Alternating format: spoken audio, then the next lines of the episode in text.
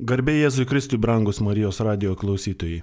Kviečiame pasiklausyti laidos, kurioje kino kritikas, krikščioniško kino klubo iniciatorius Ramūnas Aušrotas papasakos apie tai, kas yra kristinės figūros kine ir kuo religiniai ir bibliniai filmai skiriasi nuo tų, kuriuose Kristaus figūra paslėpta. Tai nuo to klausimo, kuris pirmiausiai kyla iš tos mūsų temos ir pradėkime. Kasgi yra tos klasikinės kristinės figūros? Sveiki, Ramūnai. E, sveiki.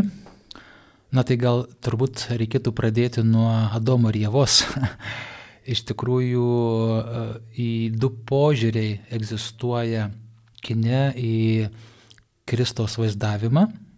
Tai yra tiesioginis vaizdavimas Kristaus Tai filmai apie, apie Jėzų Kristų. Ir taip pat e, galimas ir kitas požiūris - figuratyvus arba metaforinis. Tai pasakoti Jėzus Kristus istoriją netiesiogiai, bet pergiltinę prasme. Ir šitas dalykas, e, kurį turi kinas, kad galima dviem būdais pasakoti apie Jėzų Kristų, iš tikrųjų ne kino sugalvotas, jis ateina iš pačio švento rašto.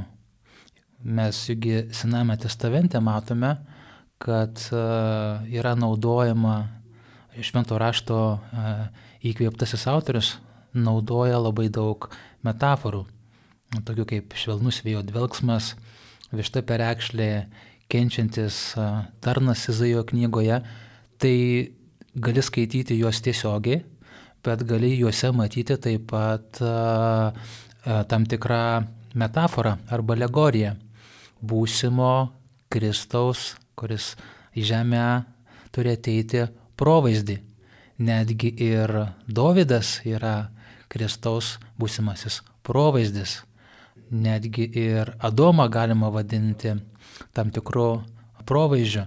Na tai lygiai taip pat ir pats Jėzus Kristus, kai čia gyveno žemėje, kalbėdamas žmonėms, jis naudojo tiek tiesioginę kalbą, tiek ir naudojo metaforas. Mes matome labai daug palyginimų ir jis labai dažnai naudojo palyginimus.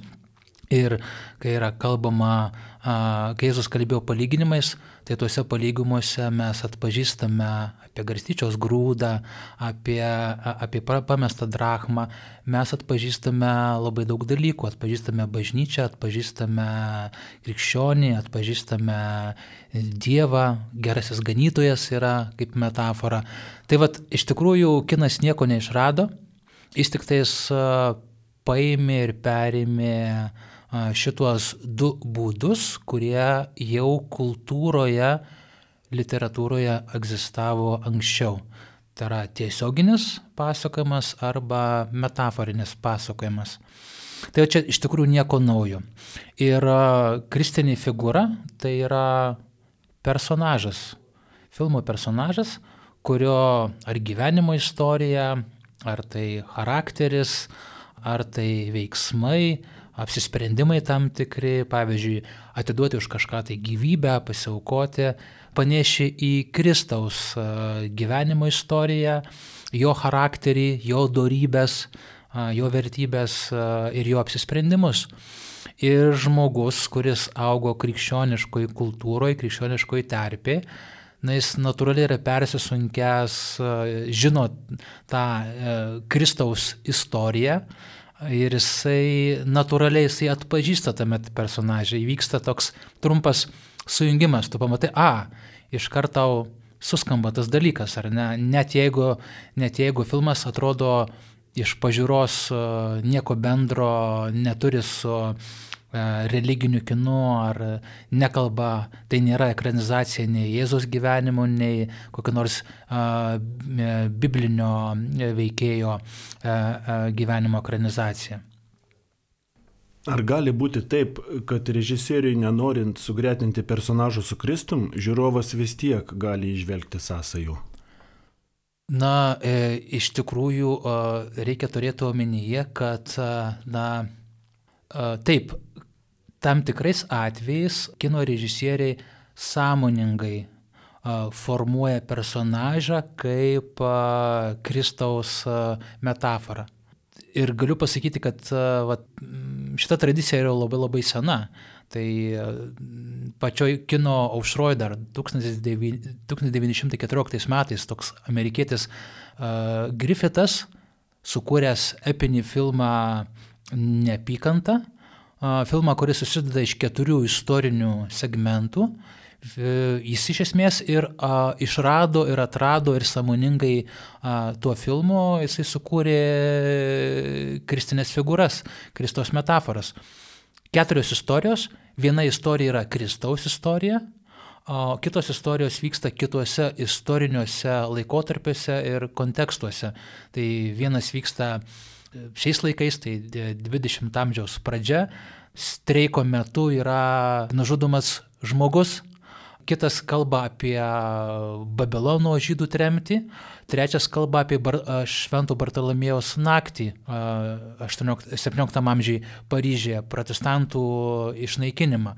Tai visi keturi siužetai kalba apie neteisybę ir apie nekaltą auką tos neteisybės. Tai Jėzus yra tas, kuris atėjęs į žemę, a, susidūrė su labai didelė neteisybė ir buvo nekalta auka.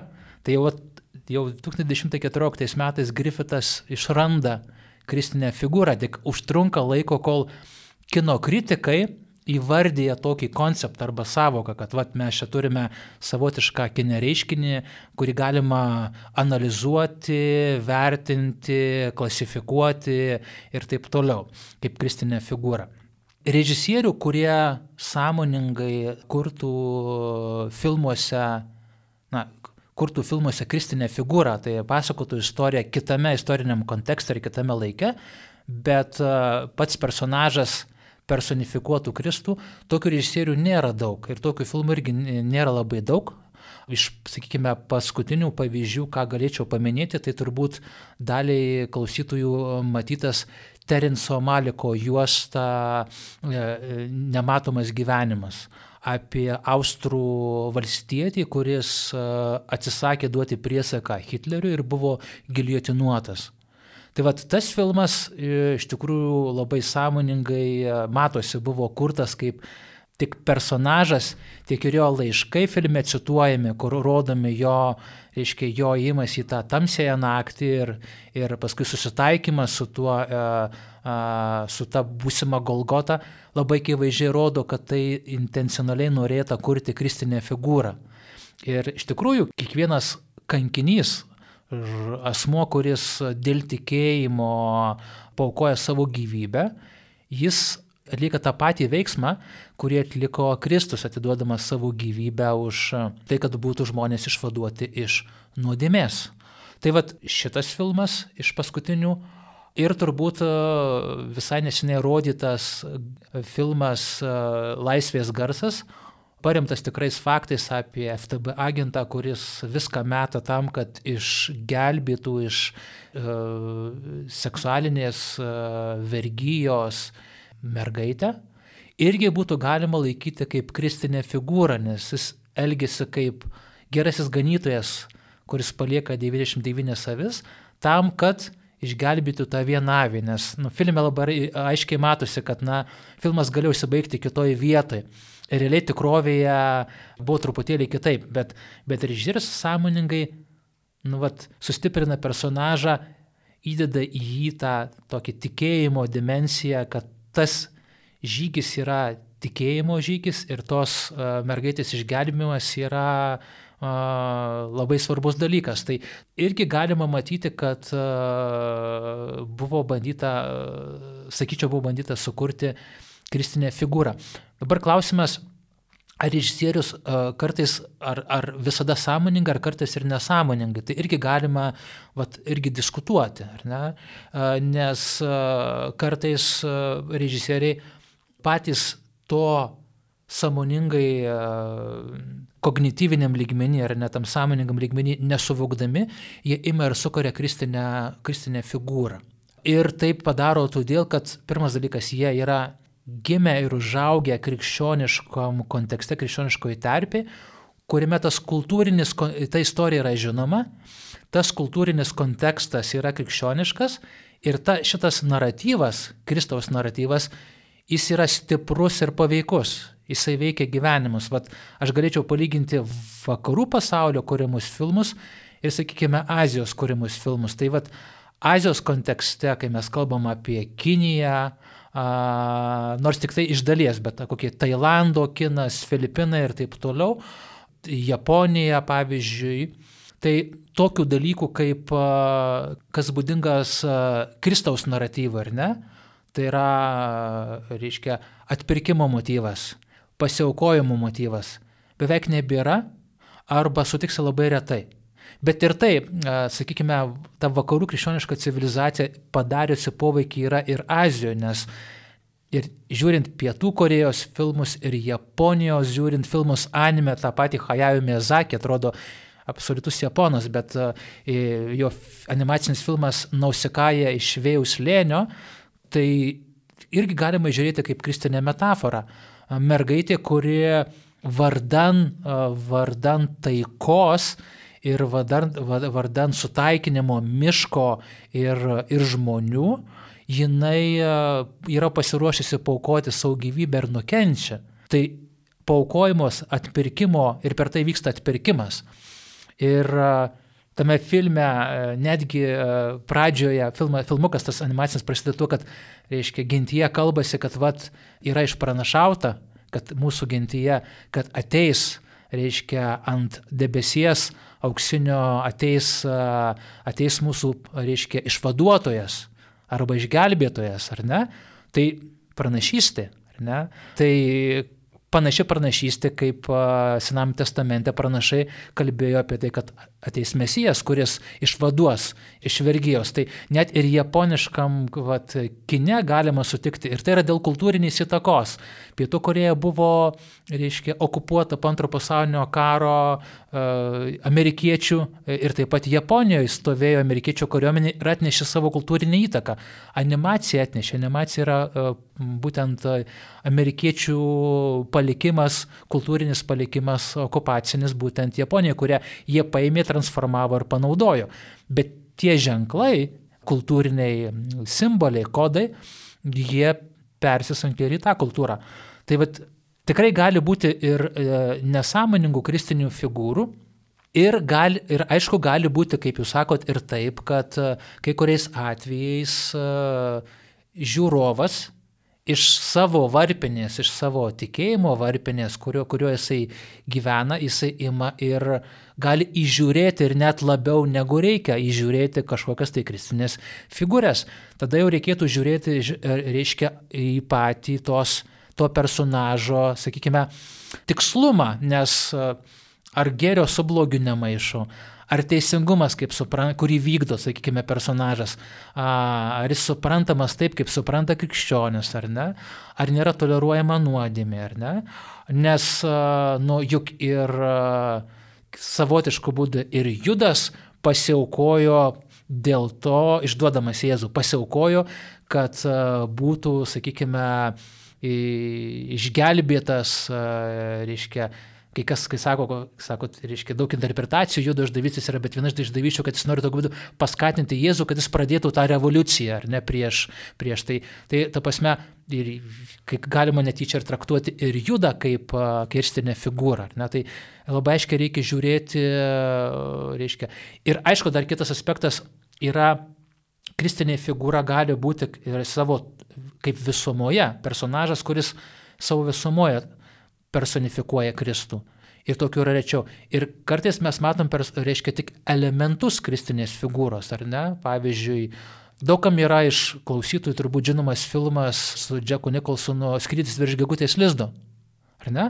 Tai Džeko Nikolsono personažas irgi yra kristinė figūra, kuris uždarytas psichiatrinį ligoninį Psichiatrinė ligoninė yra tam tikra prasme pasaulio, kuris yra nuodėmingas metafora, jisai kovoja su neteisybė. Kovojama su neteisybė yra Kristaus bruožas. Ir jisai žuva tam, kad būtų išvaduotas indienas, kuris galiausiai palieka tą įstaigą, ar ne? Ir tam filme labai įdomu, kad paaiškėja, kad visi tie pacientai ten yra savo norų. Yra vergai nuodėmės savo norų. Ir jis išvaduoja, suteikia jiems laisvę apsispręsti išeiti iš to, išeiti iš, iš nuodėmės.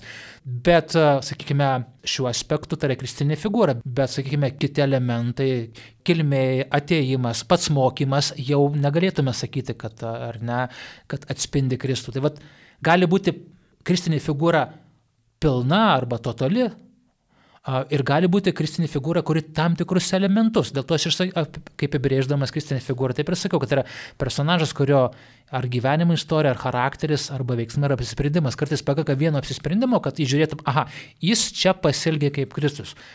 Ir turbūt klausytojams nu, nesunku pamatyti ir kasdienybėje, ar ne, kad žmogus, kuris elgesi pagal tikėjimo dvasę, apsisprendžia laikytis tiesos ir vengti blogio, tas, kuris padaro artimui meilės darbą, jis tuo metu savo veiksmais panešia į Kristų. Tai mes kiekvienas galime panešėti į Kristų, o tas panešėjimas į Kristų ir yra tai, ką mes bažnyčioje vadiname šventumu. O kodėl filmų kuriejai nesirenka tada statyti tiesiog religinių ar biblinių filmų, o nori Kristų ir jo misiją vaizduoti netiesiogiai? Na tai šituo klausimu iš tikrųjų diskutavo du labai žinomi krikščionių autoriai. Tai Tolkienas ir Liujisas.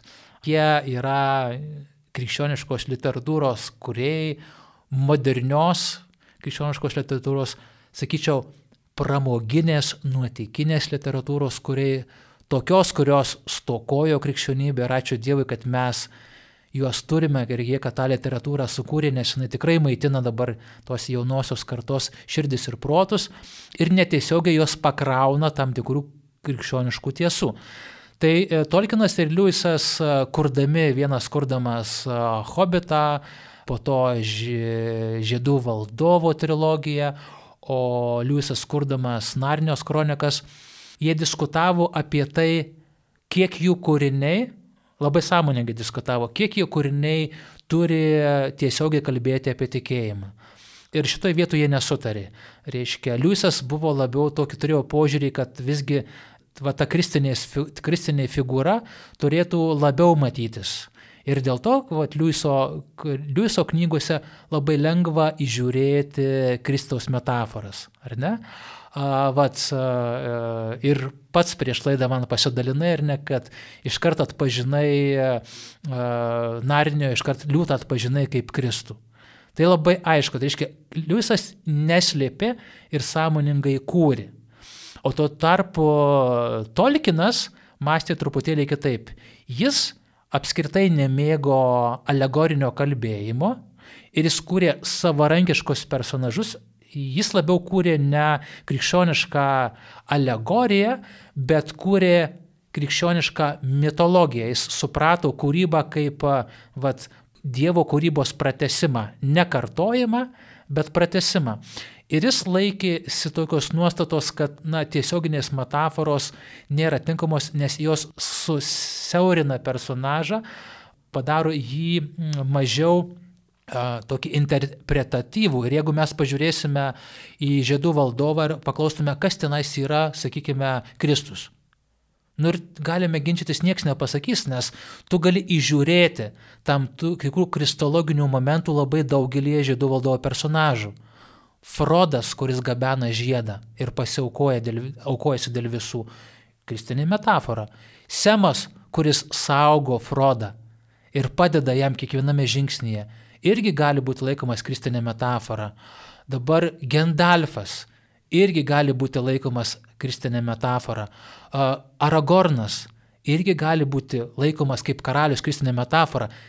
Ir turbūt Tolkienas suprato tai, kad Kristaus personažas yra toks didelis ir talpus, kad jų negalima redukuoti iki siauro vieno, vieno veikėjų.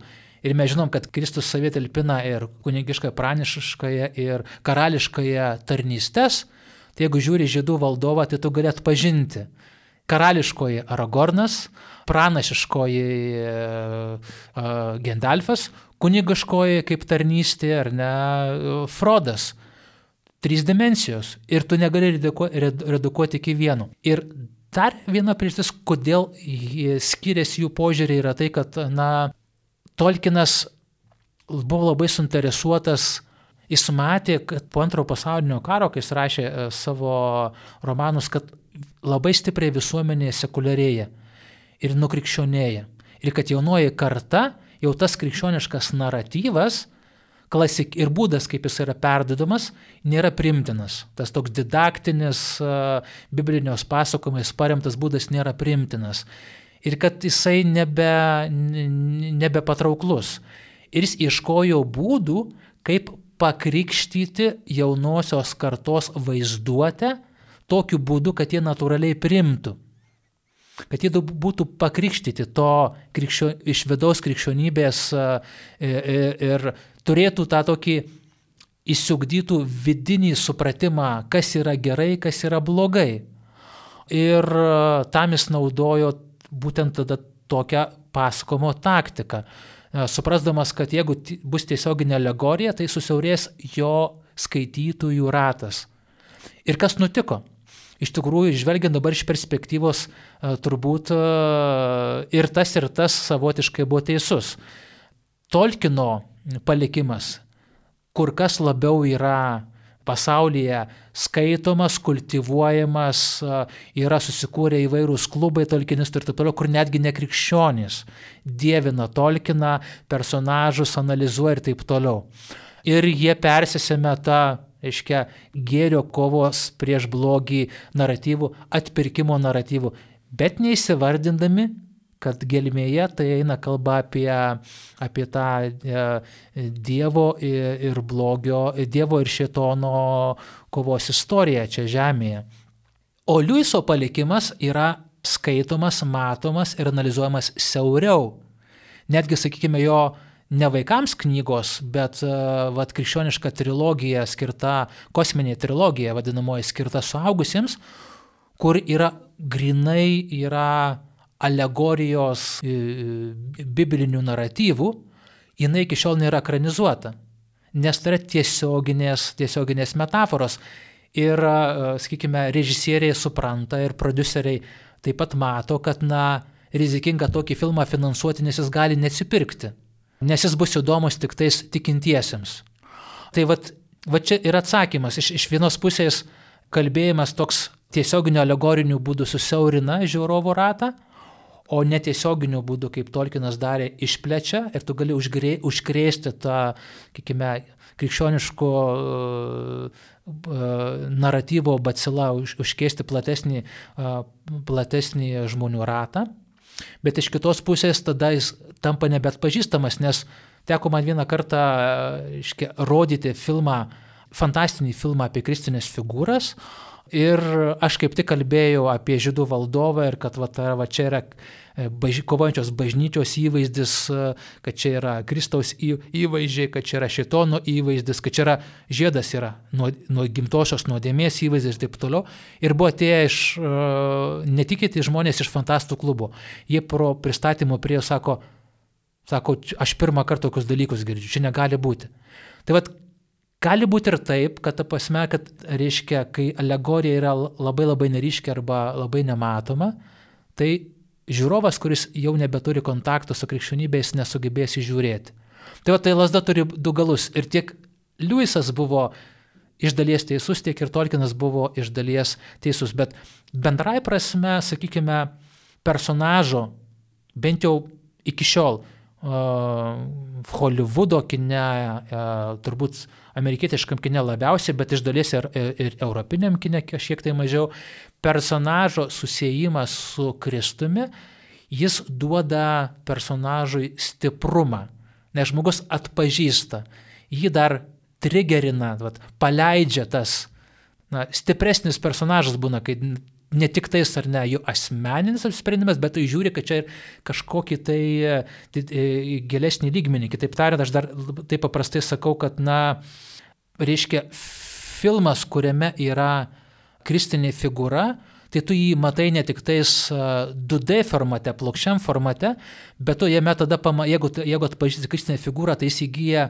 3D dimensiją. Ta prasme, tu jame pamatai ir dvasinį lygmenį, nes nu, fizinis veiksmas, sakykime, už ką nors atiduoti gyvybę, ne, tai ne tik yra moralinis veiksmas, bet tada tame pamatai ir tam tikrą dvasinę dimensiją. Vienas momentas. Ir taip pat tu pamatai transcendentinę dimensiją. Tai kaip tai siejasi su bendruoju išganimo planu, nes, na, taip Jėzus mus atpirko, bet išganimas dar nesibaigė, jis tęsiasi tol, kol nuodėmė dar iki galo nėra nugalėta, kol šitonas nėra sunaikintas. Ir mes visi dalyvaujame tame dvasinėme kare ir tęsėme mūsų karvedžio, ar ne aš naudosiu dabar žydų valdovo įvaizdžius, karvedžio Jėzaus Kristaus duota mums užduoti kovoti toje dvasinėje kovoje gyvenime ir laimėti tas pergalės prieš blogį. Tai, tai tą mes kaip krikščionys darome iš tikrųjų kiekvieną dieną galbūt apie tai nesusimastydami. Kaip ir kalbėjom prieš laidą, tada aš grįšiu prie Narniaus kronikų Dabar, kaip žinome, yra gana plačiai diskutuojama ir taip pat ir Marijos radijai apie šitą kūrinį, bet aš jį mačiau žymiai seniau ir pačioj pabaigoje man kilo ta mintis, kad liūtas yra su, su, sugretintas su Kristumi. Aš pats jį susigretinau, tiesiog kilo tokia mintis.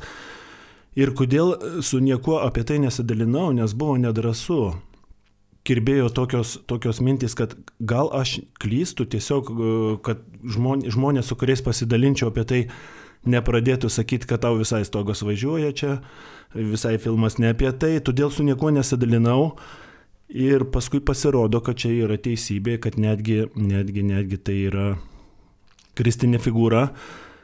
Ir dabar klausimas toks, ar, ar drąsu, žiūrint kiną, daryti savo tokias vat išvadas, gretinti personažus su, su Kristumi ir paskui dalintis apie tai su kitais, ar reikėtų mm, atsargiau tai daryti. Taip, tai iš tikrųjų, tai gal pradėkime nuo to, kad apie meno prigimtį turbūt reikėtų pasakyti, kad, na, kuriejas, kurdamas meno kūrinį, turi savo intenciją. Ir jis tos intencijos vedamas, jisai sukuria meno kūrinį. Ir kai meno kūrinys gimsta, tai jis jau yra kaip kūdikis, įgyja savarankišką gyvenimą. Savarankišką, galima sakyti, tapatybę. Ir gyvena tą savo savarankišką gyvenimą ir jis jau nebepriklauso tam kuriejui. Ta prasme, kuriejas gali paaiškinti jo pradėjimo aplinkybės, jo, tikime, neštumo eigą, kaip jam ten sekėsi kurti, ar ne, kokiais įsivaizdavo tą būsimą savo meno kūdikį, visą tai jis gali daryti. Bet gimęs kūdikis yra, na, naujas dalykas ir jis iš tikrųjų tada nebe, nebepriklauso kuriejų, bet jau priklauso gyvenimui. Ir tada žiūrovai arba kino kritikai, kurie žiūri tą meno kūrinį, jie interpretuoja tą meno kūrinį pagal tą kontekstą, kuriame jie yra ir pagal tai, kaip, kaip jie mato. E, sakykime, net ir kino kritikai, sakykime, vienas išvelgs kristinę figūrą, vadovaudamasis tuo kultūrinio kontekstu, kuriame jisai, iš kurio jisai kilęs ir galbūt kuriuo jis gyvena, o kitas visiškai nematys. Ir man pačiam yra tekę net iš komentuojant filmus, rašant apie juos, sakyti, nu, tu čia išvelgi, čia to dalyko, to dalyko nėra.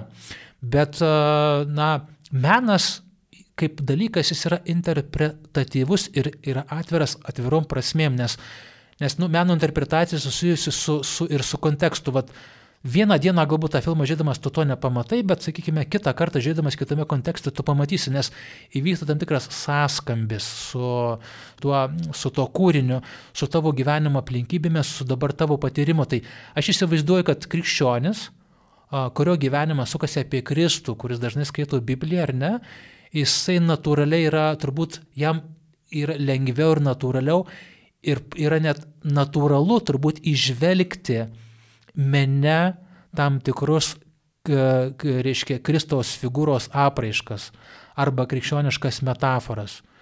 Tai lygiai tas pats kaip krikščionis išėjęs į gamtą ir matydamas gražią gamtą, jisai prisimins ką Dievą kurėją, kuris sukūrė, o ateistas jis neprisimins to dalyko. Tai visiškai natūralu meno kūrinėje matyti, žiūrėti kristinę metaforą. Klausimas tik tais kalbant apie meną, kiek tas įžiūrėjimas yra objektyvas arba pagrystas, ar ne, jau mes truputėlį apie tai kalbėjom, kad, na, ne kiekvienas personažas, ne, ne visa apimtimi turėtų būti traktuotinas kaip kristinė figūra.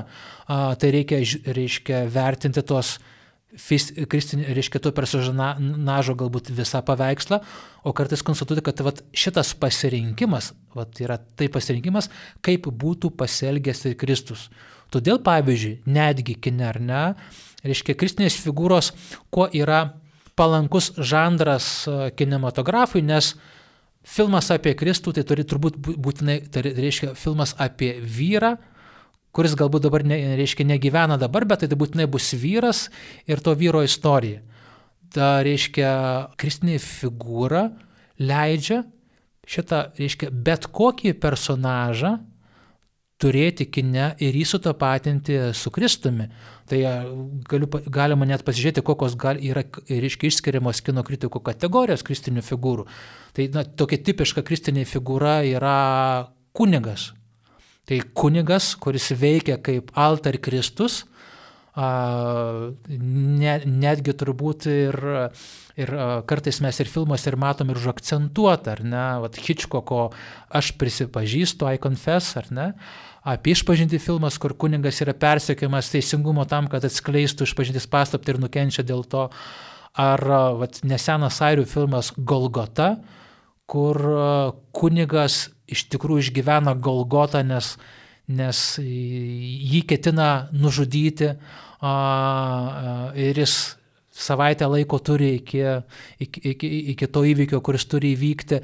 Tai a, kunigas iš tikrųjų vat, labai dažnai yra tiesioginė Kristaus metafora. Ne, arba arba vat, pagal Bresono romaną sukurtas filmas Po šitono saulę, kuriame kuningas tiesiog nepas, miršta klausykloje.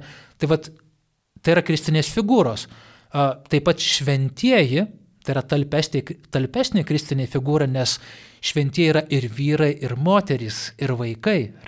Tai vat, jau praplečia tą galimybę, bet ir taip pat vyrai, pasauliečiai, vyrai, moterys, taip pat turime netgi ir vaikus, Ir vienas tokių, sakykime, man netgi įspūdingiausių ir labai aiškiai, sąmoningai kurtų kristinių metaforų, tai yra uh, Robero Bressono, prancūzo filmas uh, Sudė Baltazarai.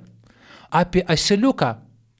Asiliuką, kuris eina iš vieno savininko į kito savininko rankas ir patiria pažeminimus, priespaudą, smurtą, pasityčiojimą. Ir tai yra viena stipriausių kristinių metaforų. Asiliukas gali būti kine kristinė metafora. Tai vad šiuo, šiuo aspektu, sakykime, at, a, šitas žanras e, yra pakankamai, pakankamai talpus. Gal galėtumėt parekomenduoti, kaip atskirti, ar galima šitą personažą gretinti su Jėzumi Kristumi, ar nederėtų? Aš galbūt dar, reiškia, vieną dar dalyką turbūt įvardinčiau, kuris gali padėti atpažinti, ar tai kristinė figūra ar ne, gal tokia kaip indikacija, ar ne, nes, nes gali būti, sakykime, tas personažas iš tikrųjų yra plokščias, humanistinis tik tais personažas ir jis nieko daugiau iš tikrųjų nekomunikuoja, bet gali būti personažas, kuris vat, kelia žvilgsnį va tai dvasinę plotmę į tą transcendentinę, aukštin kelią žvilgsnį. Tai va kino kritikoje ta kristinė figūra apibrėžiama taip, kad tai yra personažas ar figūra, kuri yra pakankamai stipri, kad egzistuotų kaip savarankiškas charakteris. Nu, tad filme gyvena savarankišką gyvenimą. Tačiau jis tuo pačiu metu kreipia žiūrovo žvilgsnį už savęs kažkur tai toliau į galutinę tiesą arba į aukštesnę tiesą. Tai va šitas apibrėžimas, ar ne, kad tai yra personažas, kuris savarankiškas ar ne, ir gali egzistuoti kaip toks, tačiau nepaisant to jisai e, nurodo prasme, kuri išeina už jo egzistencijos ribų arba kreipia žvilgsnį į galutinę tiesą, šitas apibrėžimas tinka ikonai. Ikona juk yra tokia. Ikonos tikslas yra nesulaikyti žvilgsnį ties savimi, bet kreipti žvilgsnį toliau, už jos ribų.